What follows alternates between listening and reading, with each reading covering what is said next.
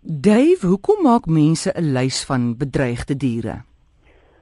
Oi, dit's baie baie baie na aan my hart. Amore, die International Union for the Conservation of Nature. Nou ja, hy het nie 'n Afrikaanse naam nie. Is 'n internasionale liggaam wat hulle bemoei met die met die navorsing van diere, plante en teendeel alle lewende organismes wat bedreig is op aarde. Ek was self betrokke daarbey jare gelede toe ek die inskrywing gemaak het vir die klein rooi valkie wat ek so bestudeer het. Want dit is 'n bedreigde spesies en ek kon 20 jaar opsom na 'n bladsy en 'n half. Dit is nogal elegant. Maar in elk geval, nou die voorstellings wat hulle kan maak, dui ook aan op neigings. As hulle sê daar is nou soveel kameelperde oor en as ons nie oppas vir die weerlig nie, gaan daar oor 20 jaar soveel wees. Met ander woorde, ons kan ook neigings bepaal. Maar daar is twee groepe veral wat hoë kommer wek. En die een is die korale van die see met aard en klimaatsverandering is daar meer CO2 in die lug. CO2 word in die oseane geabsorbeer en dit maak uiteraard hun suur. Die, die see is besig om suur te word en korale kan dit nie verdeel nie. So reg oor die aarde kan hulle nou begin bepaal en voorspel uiteraard hoeveel korale gaan uitsterf. En dan natuurlik ook amfibieërs. Ons weet dat paddas baie bedreig is. Nou, kan jy glo dat hierdie mense nou al 63000 spesies reeds uh, bekyk het en bepaal het hoeveel daar is?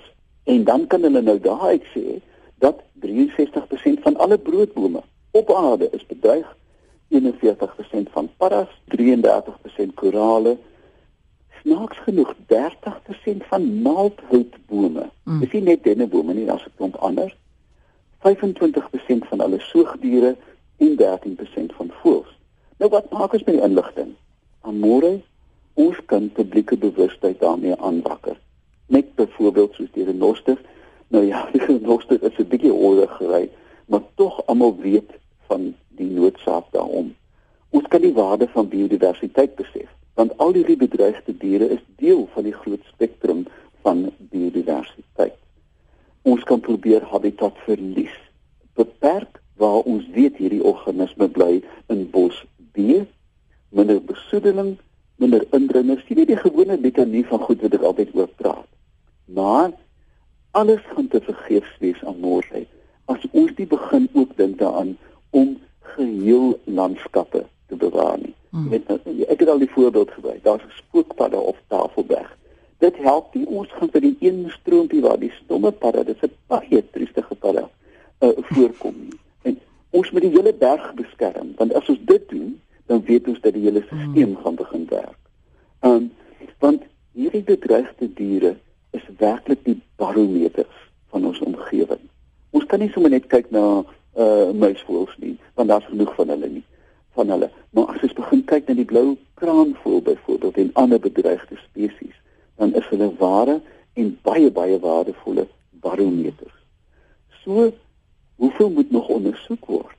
Amore, weet jy, daar is 65000 soogdiere reeds beskryf.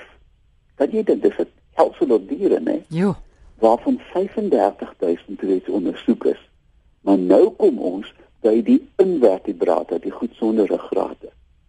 Daar's 1,4 miljoen bekend waarvan net 13000 ondersoek is. Van die plante, van die 310000 plante beskryf, is net 14000 ondersoek. Van die 165000 swamme op aarde wat ons van weet, is net 18 reeds ordentlik ondersoek. En dit bring ons by terug by wat doen die IUCN?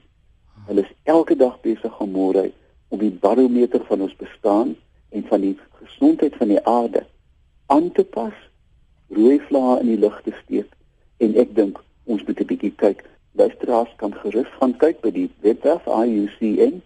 Dis I U C N en daar lê al die inligting baie netjies verpak met pragtige foto's, weet van van hierdie wonderlike skaars papegaaie en pottoes en lories, diere wat jy nog net van gedroom het. Gaan kyk 'n bietjie en herinner jouself hoe dun die laagie van die lewe van die aarde is en hoe maklik hy seer gemaak word.